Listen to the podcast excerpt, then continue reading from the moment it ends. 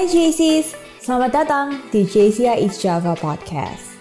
Impactful Talks merupakan talk show antara member JCI East Java yang berbagi pengalaman seputar bisnis, leadership, sampai dengan kehidupan. Satu, dua, tiga. Nah, muncul ya. Nah, oke. Okay. Berarti udah biarin ya, aku pilih gak usah pakai kamera ya. Oke. Okay. Oke, okay, udah nggak usah pakai gambar. Yang penting, yang penting suaranya masuk. Ya wis. Oke, okay, sip. Ko, teman-teman pada minta diulang. Ceritain okay. apa itu Selkomse, berdiri mulai kapan. Okay. Dari Saya tadi yang di... orang tua cerita warung-warung tadi, semua aku ulang kok. Industri farmasi ini 15 tahun. Saya pulang dari Amerika 2005 Januari. Waktu itu saya dibukain pabrik obat masih ratusan meter luasnya saya dipesenin sama orang tua ini kamu tak bukain warung silakan kamu jadi restoran atau mau dihabisin terserah lu. Uh, dari sana saya belajar waktu itu itemnya cuma 5 vitamin uh, B1 B6 B12 B kompleks vitamin C saya bermimpi jadi raja vitamin. Tapi dari sana saya uh, keliling sendiri. 2006 saya keliling Jawa Timur dengan supir uh, nawarkan door to door apotek-apotek cari-cari info ngobrol sama tukang parkir Terus dari sana 2007 ketemu di distributor nasional, mengembangkan sayap saya keliling Indonesia mulai dari Medan, Pekanbaru, Padang, Jambi, Palembang, Lampung, Jawa Barat, Jawa Tengah, Jawa Timur sudah ya, terus Sulawesi, Makassar, Manado, eh, Kalimantan, Banjarmasin, sampai Bali, Lombok. Nah, eh, jadi saya learning by doing. Dari sana ikut seminar-seminar juga untuk belajar farmasi.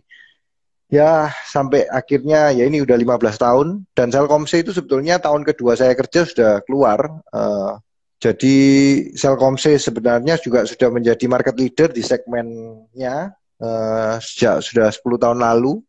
Terutama kita kuat sekali di tender Mabes Polri.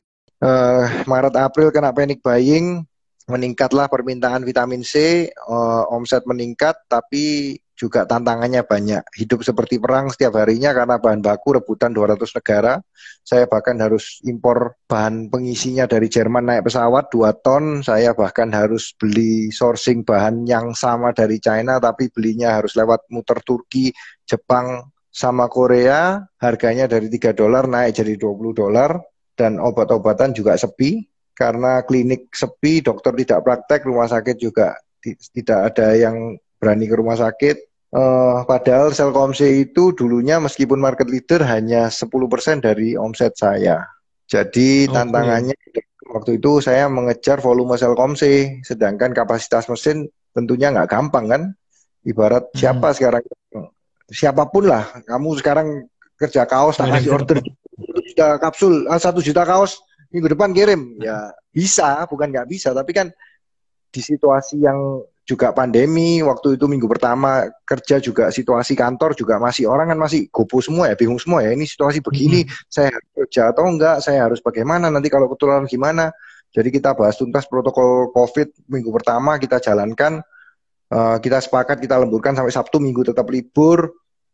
Uh, kita tidak mau tambah orang dulu kita kerja dengan apa yang ada juga dengan tantangan logistik waktu itu logistik satu dunia kan susah jadi pengiriman juga terlambat semua. Ya yeah. tapi ya itulah tantangannya lah berkatnya datang sama tantangan. Siap. Thank you kok kok mm -hmm. ini ini biar semua clear kok biar semua juga tahu. Kalau aku sih yakin uh, kenaikan harga Selkomsi bukanlah gorengan tapi karena challenge dari produksinya udah pasti naik nih. Coba kok yeah. bisa jelasin nggak? Selkomsi itu kan awalnya aku sempat ngikutin dari harga enam puluh ribu. Mm -hmm. Terus saya naik, awal naik, naik, itu sampai 100. Jadi gini, bahan ke kendala terbesar itu bahan baku. Uh, hmm. Waktu itu US dollar, sekarang US dollar sudah kembali, tapi bahan hmm. baku masih. Lalu sama kapasitas uh, dari omset. Jadi saya kan sudah hmm. ngomong, Selkom ini paling 10% dari omset total. Saya ini punya hmm. 70 item yang diproduksi. Ngomong yang fast moving hmm. 30, 25, 20 deh. Nah, Selkomse ini hmm. hanya satu. Jadi ketika beban produksi fixed cost overhead harus ditanggung oleh satu item, tentunya sangat berat gitu loh. Bahan baku itu oh, dari tiga setengah dolar naik sampai 5 dolar, 7 dolar, 10 sampai 20 dolar, sekarang stabil di tujuh setengah dolar. Jadi naiknya masih 2, sekian kali. Oke. Okay. Itu yang membuat Siap, kok. harus menaikkan harga Selkomsi. Oke, okay, berarti emang modal dari Selkomsinya udah naik ya, Bo ya? Iya. Jadi bukan bukan goreng-gorengan aji mumpung karena kondisi corona itu yang harus clear dulu gitu loh teman-teman. Jadi jangan bukan. sampai ada pikiran ke arah situ karena masker juga naik karena semua itu kan hukum supply demand-nya mempengaruhi supply dari bahan bakunya semua juga terpengaruh gitu loh. Ya, Oke, okay. ya. kok sekarang kita lepas dulu dari bahasan corona karena kayaknya udah common banget kita bahas itu. Yang aku pengen tanya kok dari tadi kok cerita banyak lebar aku yang tertarik itu satu. Udah 10 tahun nguasain market leader, berarti itu paling enggak di bawah 10 tahun bisnis, Selkomsi udah jadi market leader di bidangnya dong. Uh, gini, di segmen menengah dan iya, tender. Ya, tapi Oke, okay. di segmen menengah Selkomsi adalah uh, market leader. Ya. Bagaimana sih kok? Uh, apa sih yang gue lakuin? Apa sih tips and triknya? Kenapa bisa sampai menguasai market leader? Which is vitamin C itu kompetitornya juga banyak gitu.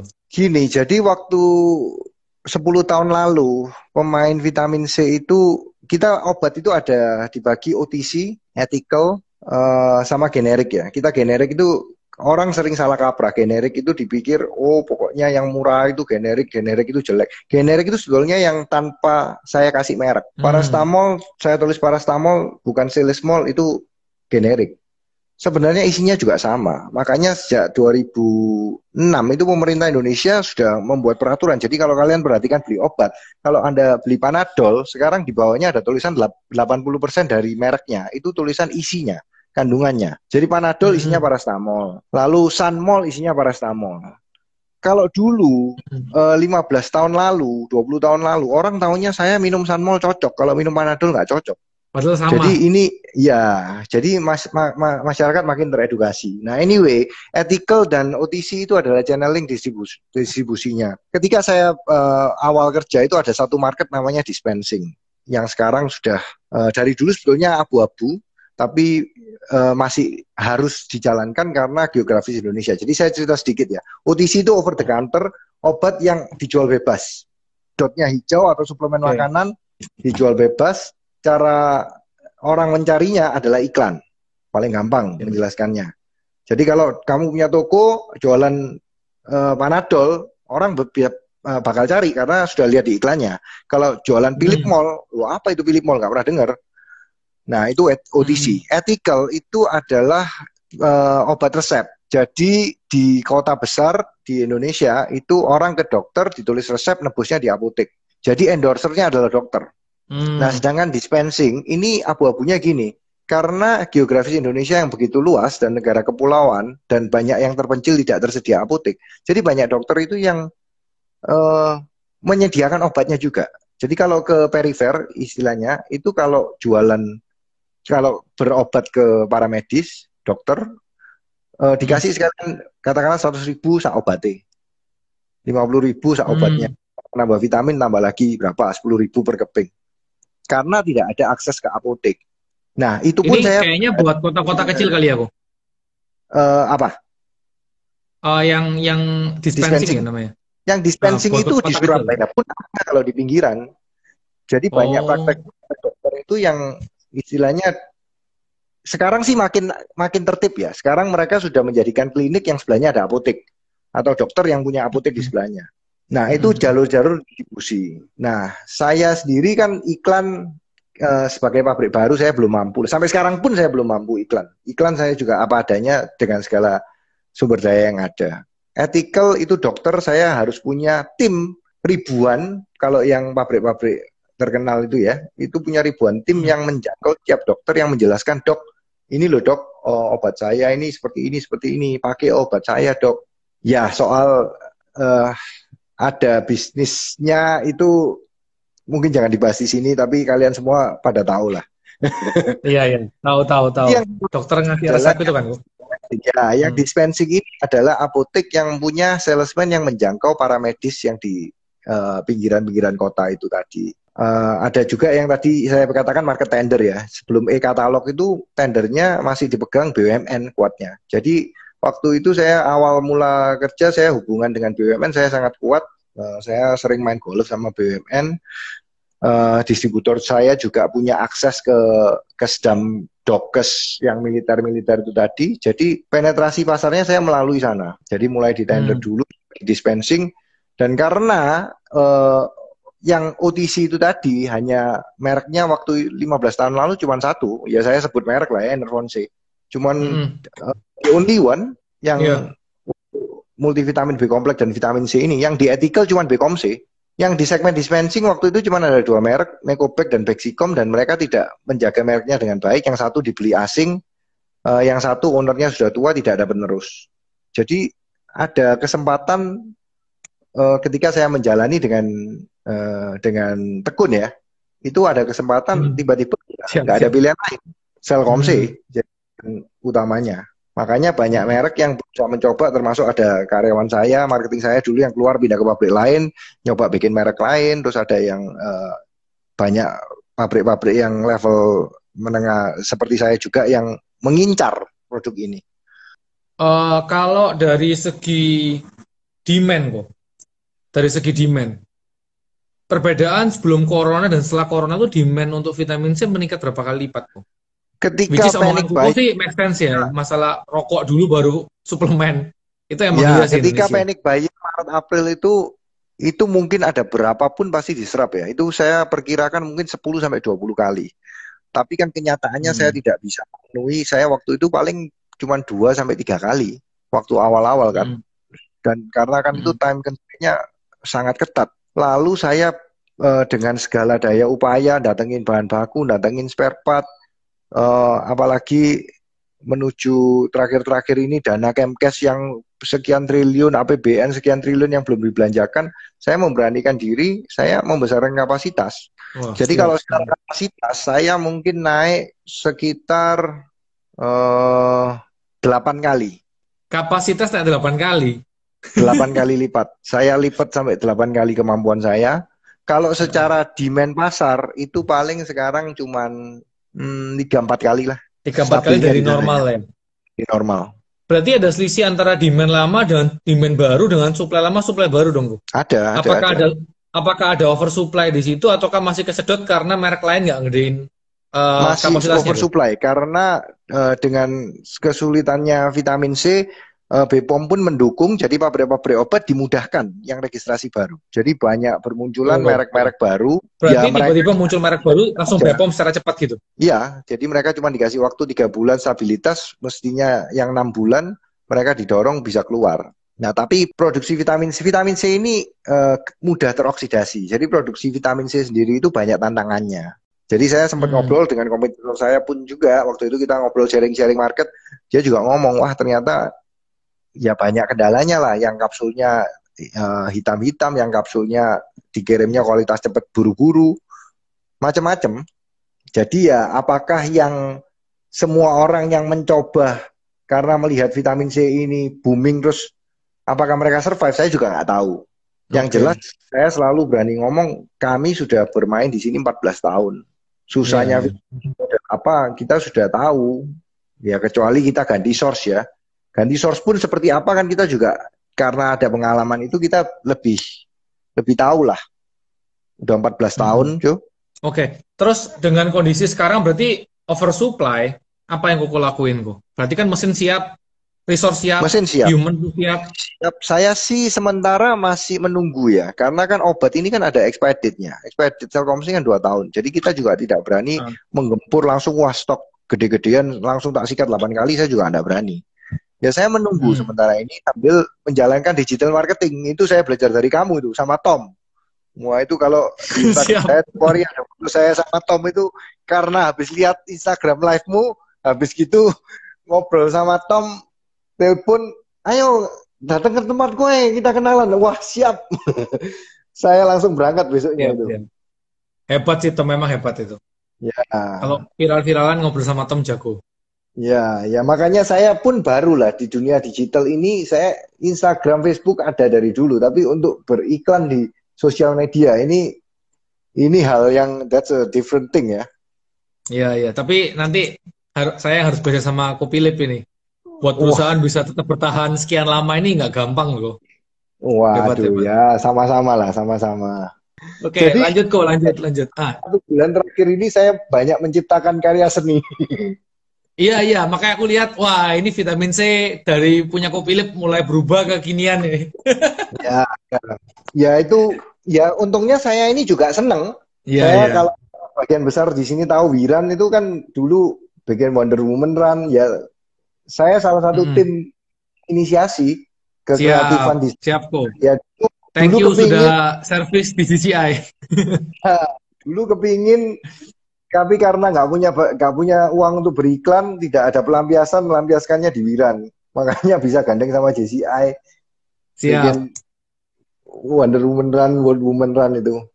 Siap, siap. Ntar kapan-kapan kita sharing-sharing kok, ngobrol-ngobrol kok. Siap. Lanjut kok. Kita lanjut, nah. kita padatin lagi biar teman-teman dapat manfaatnya lebih okay. banyak kok. Kok, dengan kondisi, let's say, mesin udah siap. Otomatis uh, kita kita ada tambah aset, ada tambah resource, fixed cost mungkin udah sedikit meningkat, mungkin overhead juga meningkat kan di situ. Dengan hmm. demand yang belum bertambah, apa plan Koko yang akan Koko lakuin? Jadi saya tetap menjalankan digital marketing itu yang jelas.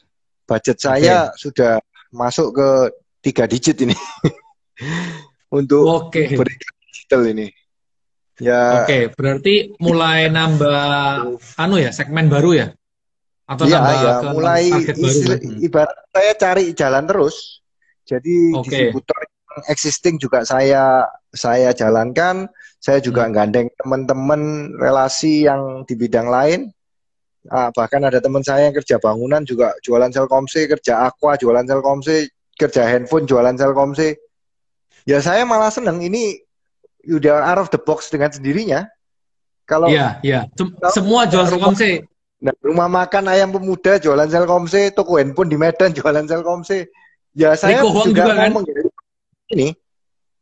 Riko Karena Huang. ini new, kita sendiri nggak nggak ada yang tahu kan new normal ini seperti apa. Ya kita sama-sama ya, belajar. Ya.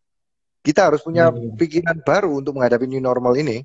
Kok ada pertanyaan dari Kota Teguh kok. Hmm. Dengan demand naik tiga kali empat tiga kali empat kali lipat, apa yang menjadi pertimbangan hingga berani menaikkan kapasitas delapan kali lipat di tengah bahan baku yang masih rebutan? Oke, gini. Jadi se uh, ini kebalik ini. Sebetulnya kan demandnya naik dulu, baru saya nyiapin kapasitas. Tapi ketika hmm. panic buying-nya lewat, demandnya turun. Hmm, ada peak-nya ya?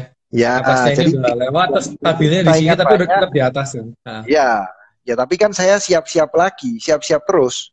Kalau ini hmm. sampai dana tendernya turun, ini pasti akan terjadi peak lagi. Oke, oke, oke. Orang musuhnya daya beli, Orang sudah ya. mikirnya perut. Iya, iya, iya, benar. Tapi memang sih kalau kalau kita lihat kondisi corona ini nggak akan selesai dalam waktu kayak man ya, masih kayak masih ya, panjang ya. deh. Ya. Mm -hmm. Saya sih mungkin Kok. sampai akhir tahun masih optimis. Kalau siap. Amin. hmm. Amin. Kalau masih masih belum buat jingle baru lagi ntar kok sama Nadia. Lanjut kok. Kok. Let's say, let's say ada terjadi uh, ini bukan bukan doain yang jelek ya kok let's say ada terjadi kesalahan prediksi. Ternyata demand nggak sebagus apa yang sudah kita siapkan. Berarti, uh, let's say apa yang kita harapin dari tender turun atau apa pun itu semuanya nggak sebaik itu. Sedangkan Koko sudah sudah nyiapin pondasinya lebih gede lagi dan semua lebih gede lagi. Apa yang bakal Koko lakuin? Uh, saya harus berinovasi membuat item baru yang bahan yang menggunakan mesin kapsul. Karena kan hmm. saya juga hmm. sempat tambah mesin kapsul. Kalau bahan baku ya saya akhirnya kerjain pelan-pelan kan bahan baku ada expirednya sendiri ketika dijadikan produk jadi ada expired sendiri jadi ya saya saya sudah mikir kok saya sudah uh, stok ribuan karton setelah itu saya berhenti dulu ya kalau memang tendernya nggak turun ya saya berhenti produksi Selkomse saya harus gedein yang item-item lain kan ini kekosongan obat juga terjadi kan dengan eh iya. katalog yeah. berhenti terus uh, orang panik ke klinik akhirnya kan new normal ini orang mau nggak mau kan klinik juga harus beroperasi lagi mm -hmm. ada mm. kebutuhan yang harus diisi Iya, iya, iya. Uh, tuh masukan buat teman-teman semua. Jadi nggak segitunya juga yang punya bisnis vitamin C semulus itu. Jadi tetap challenge-nya pasti ada. Ya. Banyak demand, pasti kekurangan supply dari bahan baku dan macam-macam. Saat kita gedein kapasitas semua, nggak mesti juga saat itu sesuai sama yang semua yang kita planningin. Tapi yang Betul. penting uh, yang yang kita ambil positifnya dari Kopilip adalah satu dia berani ambil peluang, dia berani take action dan dia dia tetap siapin exit plan, which is saat itu uh, maybe blunder atau maybe nggak sesuai apa yang diharapin, dia ada exit plan di situ harus apa yang dilakuin. Itu penting banget ya. Kebanyakan yeah. dari kita kalau nggak berani action, actionnya nggak siap plan B. Itu bahaya juga. Gitu. Yeah. Oke okay, kok. Kita lanjut lagi kok. Oke. Okay. Selain sih produk uh, kopi lip yang best seller atau yang demandnya gede atau yang yang omsetnya gede kan sih cuma 10% tuh. Nah. Uh, kira-kira apa lagi kok? Produknya apa kita, aja? Bisa di-share kita? Amok, itu amoksisilin, itu hmm. amok antibiotik yang kayak kacang goreng. Kita ada hmm. Selesmol, paracetamol, uh, hmm. item kacang goreng juga. Kita ada obat batuk, Seledril, terus kita ada neurotropik kayak Neurobion, uh, Selesbion namanya. Hmm. Uh, terus kita ada Selmatik, Piroxicam, obat rematik, Uh, terus obat ranitidin kayak Santak itu uh, mereknya Ranifil agak narsis. Hmm, Ini okay. saya baru penamat yang kayak Ponstan namanya Ilfil. okay. Hilang feeling, hilang feeling. Oke okay, oke okay, oke, okay. Ilfil. Obatan sakit. Siap. Ada yang meningkat selain Selkomse karena corona kok? Enggak. Enggak, berarti Selkomse doang yang terpengaruh ya? Iya. Oke. Okay. Uh, terus plan plan Koko dari keseluruhan merek dalam termasuk Selkomse ke depan mau dibawa ke arah mana aku? Mau dibawa ke arah mana industri farmasi saya? Iya. Uh, saya sih visi saya tetap menjadi uh, leading pharmaceutical company di Indonesia dengan kualitas yang bagus dan harga yang terjangkau. Itu visi utama saya. Harga terjangkau ini menjadi kunci bagi saya karena uh, saya ingat pesan mentor saya, uh, pabrik obat juga senior, dia ngomong selama obat kita terjangkau pasti dicari orang. Itu saya pegang hmm. baik-baik. Hmm. Uh, jadi uh, yang saya lakukan adalah mengembangkan varian produk, mengembangkan fasilitas produksi. Jadi sekarang ini yang saya punya hanya solid, yaitu tablet dan kapsul. Uh, saya ini berencana menambah ke krim uh, sama ke liquid uh, sambil meregistrasikan obat-obat di dalamnya. Jadi kalau krim ya nanti bikin chloramphenicol, asiklovir, uh, betametason dan lain-lain. Di kapsul tablet sendiri saya juga nambah varian. Oke, siap. Oh, tadi Koko sempat nyebutin ke aku bahwa sekarang main marketing cost ke online-nya udah sampai tiga digit, bener ya, Kok? Iya, udah sampai ratusan per juta. Per iya. Wow, keren. Hasilnya gimana, Kok? Bagus gak? Belum masih tidak bisa di-convert ke sales gitunya ya. Saya banyak banyak curhat hmm. sama Bro JT, LP kita sama Bro Tom. Ya memang anu ya butuh waktu dan harus dijalani dengan tekun ya. ya Saya ya, ini kan baru jalan bulan kedua ya. Dua bulan lah.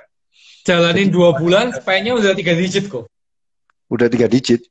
Kalau sama offline-nya udah siap kok, siap, siap. Mantap. Gitu. Oke kok, kita lanjut ya ke pertanyaan nah. berikutnya kok. Ada nggak kok pilih punya bisnis lain selain farmasi ini kok? Saya ada persewaan cold storage. Cold storage, oke. Okay. Lebih fokus ke yang mana? Tetap fokus ke farmasi? Tetap ke farmasi, tetap ke farmasi. Oke, okay. kok aku pengen bahas dari segi leadership. Oke. Okay. Jadi hari ini Telkomsing menguasai market leader, punya produk segini banyak, dan uh, segini banyaknya brand. Berapa karyawannya sekarang dipunya kok? Uh, hampir 300 lah. Hampir 300, oke. Okay. Uh. Uh, struktur organisasinya sampai berapa level itu, Bu? Uh, kita sih nggak nggak bulat-bulat sih. Presidir, hmm. direktur, plan manager, uh, manager, supervisor, kepala regu, sudah. Oke. Okay. Itu ini berarti di luar orang tua kan? Kopi Lip sendiri ya? Orang tua saya masih di dalam struktur, tapi Okay. Jadi gini, orang tua saya sebelumnya itu mungkin ada sebagian di sini yang tahu dulu itu yang punya air minum Anda itu loh. Yang sekarang oh, jadi iya, Cleo. Iya, iya. Jadi Aha. ayah saya itu pendirinya yang air minum Anda. Jadi dia sempat pensiun waktu itu ketika jual pabrik dia ada kerjaan uh, di Kalimantan uh, batu bara waktu itu. Terus dia sempat pensiun tiga bulan. Ternyata setelah hmm. menjalani pensiun dia merasa tidak boleh orang pensiun. Jadi prinsipnya itu harus kerja sampai mati, cuman mengurangi jam. Nah, jadi sejak itu jadi uh, ayah saya itu sudah belasan tahun itu kalau ngantor ya setelah makan siang baru ke kantor. Hmm. ya tetap harus anak harus harus ngantor lah. Oke. Kok kasih tips and trick gimana cara kita buat handle sampai 300 karyawan seperti ini dengan target sampai akhirnya bisa achieve sebagai market leader dengan kerjasama tim yang bagus seperti itu. Karena kita believe itu bukan karyawannya doang yang bagus, tapi pasti punya sosok leader yang bagus kok. Untuk gerakin segitu besarnya. Saya kasih training untuk kapak-kapak saya ini mengenai leadership. Ya kuncinya delegasi harus jalan, empowerment harus jalan. Karena tangan okay. kita cuma dua, kita nggak bisa reach mengayomi 300 karyawan. Kita harus jalan jelas. Makanya JCI waktu itu kan sempat dibikinkan tim kecil-tim kecil untuk karena membernya sudah terlalu banyak itu sebetulnya bagus. Kita hmm. di mana-mana kita pun kita ada komunitas sel. Kita nggak bisa kalau mau ngomong uh, jemaat sekian ratus terus kita tiap minggu ketemunya sekali nggak akan tercapai. Tapi kita kalau hmm. kita dalam bentuk regu itu tadi ada kepala regunya, kepala regu ada supervisor, supervisor ada ada kepala bagian, lalu report ke uh, plan manager, ya itu kepanjangan tangan kita. Hmm. Anu lah, cukup general sih. Yang penting kita jangan jadi Superman, tapi kita bangun super team. Sip, itu yang paling benar dah. Mantap kok. Ya. Kok, terus so far selama selama ini dengan tim segitu banyak, ada nggak problem-problem besar yang uh, untuk kita kita yang pengusaha masih kecil-kecil ini biar ngerti, biar kita tahu juga kira-kira apa sih yang bakal dihadapin kalau kita membesar seperti punya kopi kok. Hmm, waktu perjalanan menuju ke 300 ini jujur aja yang waktu paling paling menakutkan itu turnover ya. Turnover, ha. Saya sempat kena boykot pentolan tujuh orang. Itu tapi apoteker semua karena ada dua kubu kepemimpinan yang enggak bukan diajak jadi dua dua kubu pemimpin yang kurang cocok jadi akhirnya yang satu keluar yang pengikutnya ikut keluar hmm kayak politik dalam kantor ya ya jadi ya kita hmm. harus harus terus apa ya mengayomi memberikan pengertian memberikan masukan uh, ke mereka ini. Dan enaknya di farmasi ini sebetulnya tadi juga saya baru bahas dengan tim saya. Kita ini ada CPOB. CPOB itu kayak Inggrisnya GMP, Good Manufacturing Practice. Hmm. Jadi bagi bagi para pengusaha yang belum ada SOP SOP itu ya, itu dalam bentuk ISO kita bisa belajar. Oke. Okay. mana-mana dokumentasi kalau mau diikuti sertifikasi itu pasti susah. Dulu waktu CPOB saya awal-awal, orang tua saya dari kerjaan air minum menuju ke farmasi merasa kok memberatkan sekali ya JPOB ini. GMP ini kok memberatkan sekali. Tapi setelah kita menjalani, enak sudah ada guidance-nya semua. Hmm. Jadi barat kalau kita bikinkan dokumentasi, lakukan yang yang kamu dokumentasikan dan dokumentasikan apa yang kamu lakukan. Itu nanti bakal mengenakan kita semua. Jadi siapa pun pemimpinnya, siapa pun operatornya, operator mesin ya. Misalnya kita SOP-nya jelas, terus kita garis waste-nya jelas, misalnya ada mesin strip, oke, okay, yang ini lolos sortir, yang ini tidak. Semua itu kalau jelas dokumentasinya, yang baca juga enak, user friendly, itu nanti kita enak sendiri, kita tidak tergantung sekali sama orang. Mau ganti orang pun sudah ada bakunya. Ini yang menurut saya, uh, saya setengah tahun lalu saya sempat berdiskusi dengan teman saya pabrik sepatu yang mau sedang mau ISO. Uh, mereka hmm. merasa kesulitan sekarang ibarat ya kamu soalnya sudah pengalaman di kaos. Bayangkan kamu waktu awal lah, QC-nya kaos ini gimana sih? Ya karena hmm. pengalaman pasti oh ternyata bagian jahitan apa misalnya jahitan di uh, tekoannya harus begini, harus begini. Nah, itu kalau dibakukan menjadikan baku QC, SOP QC, siapa pun hmm. QC-nya, kamu ganti orang pun nanti enak. Semua hmm. dari saya yakin bisa, tapi untuk mendokumentasikan ini nggak semua orang belani ya bahasa Jawanya ya. Hmm. Ya ya di tempat saya pun kita masih kayak tiap bulan nambah lagi, tiap bulan nambah lagi video foto video foto untuk menu ini tuh sih. Nah itu hmm. dokumentasi dokumentasi itu harus jalan terus itu. Siap siap siap. Oke kok. Itu yang ngerjain divisi apa kok? Kita ada QA kalau di farmasi itu quality assurance. Jadi hmm. membawa QC quality control. Jadi QA itu adalah yang istilahnya blueprintnya site master filenya farmasi. Jadi dia yang bikin oh pabrik ini memutuskan harus kualitasnya A, B, C dengan cara A, B, C. Nanti QC itu yang menjalankan. QC jadi nanti dibagi lagi. Oke QC produksi ketika cetak tablet, oh kamu parameternya apa yang harus kamu ukur. Terus ketika stripping apa yang kamu harus ukur, kapsul apa yang harus. Nah itu jadi dari QA jalan ke QC. Jadi ibarat QA hmm. itu visinya, QC itu misi-misi kecilnya. Oke oke oke. Uh, ini ada pertanyaan dari Cerosa kok.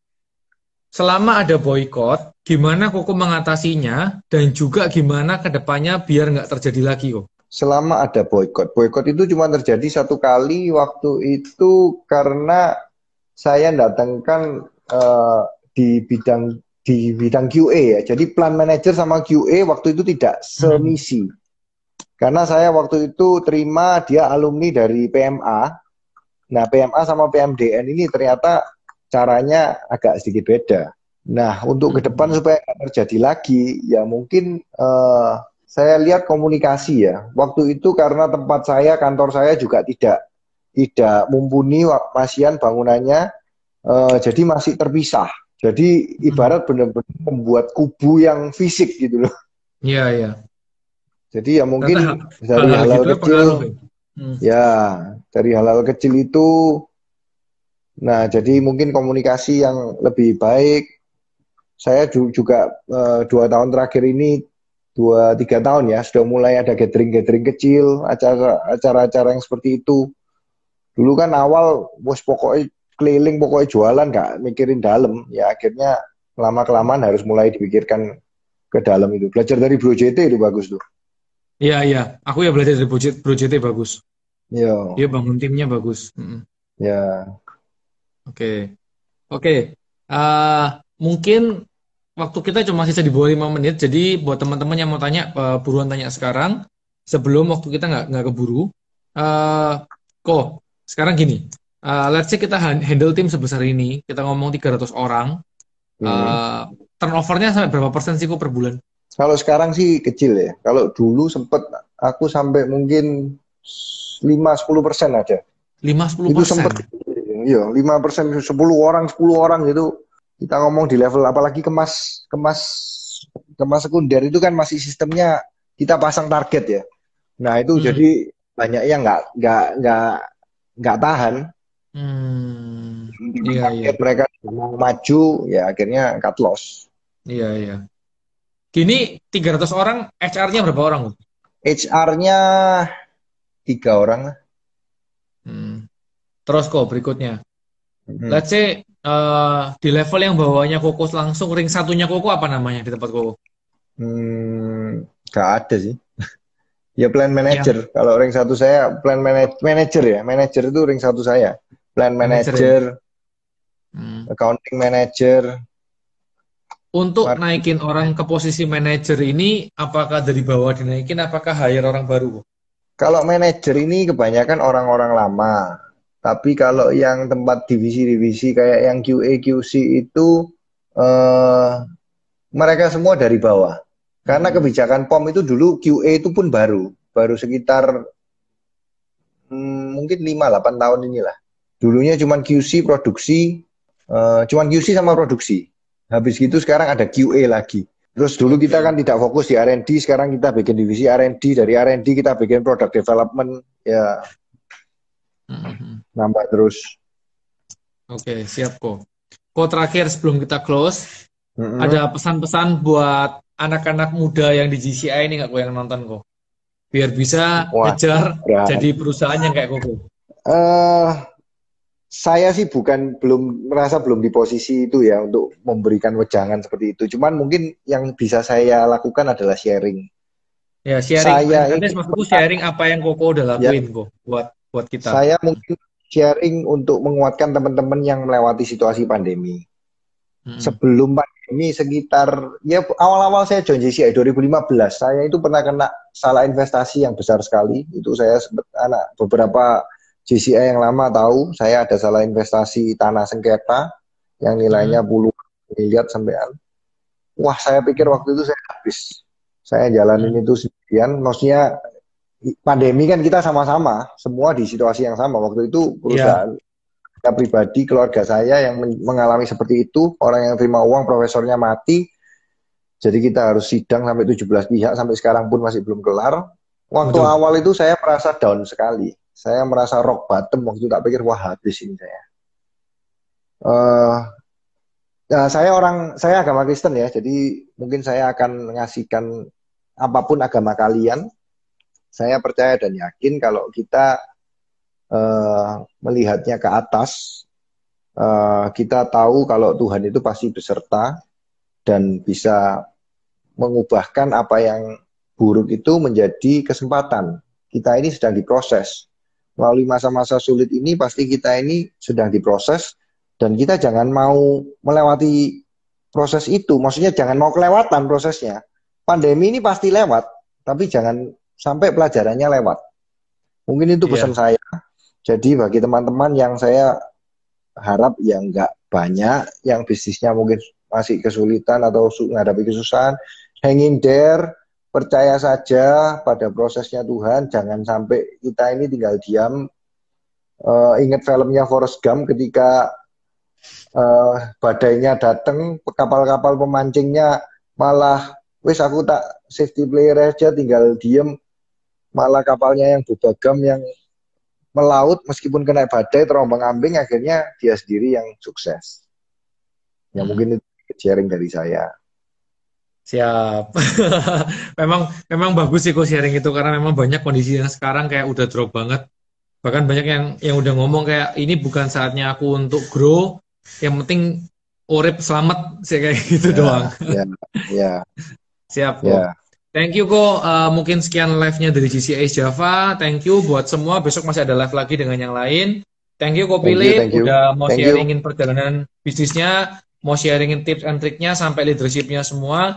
Dan aku harap live-live seperti ini bisa membantu kalian semua karena Kopilip adalah sosok uh, member GCI yang sekarang udah memiliki 300 employee, memiliki usaha yang cukup besar, farmasi yang uh, salah satu brandnya juga menjadi market leader di Indonesia. So, uh, menurut saya materi hari ini cukup oke okay untuk kita pelajari dan kita terapkan di usaha kita masing-masing. Yang paling penting buat kita semua, jangan lupakan prinsip yang terakhir Kopilip pegang bahwa sukses itu ada prosesnya. Jadi uh, pandemi juga pasti lewat, cuman kalian jangan sampai kelewatan belajarnya sih. Sayang banget. Thank you buat semua, thank you buat Kopilip. See you. Thank you, thank you. Thank you, live, guys. Thank you. Bye bye. Terima kasih telah mendengarkan Impactful Talk kali ini. Ikuti Instagram dan YouTube at Java untuk konten yang inspiratif di setiap pekannya. JCI Java, impactful for a better day.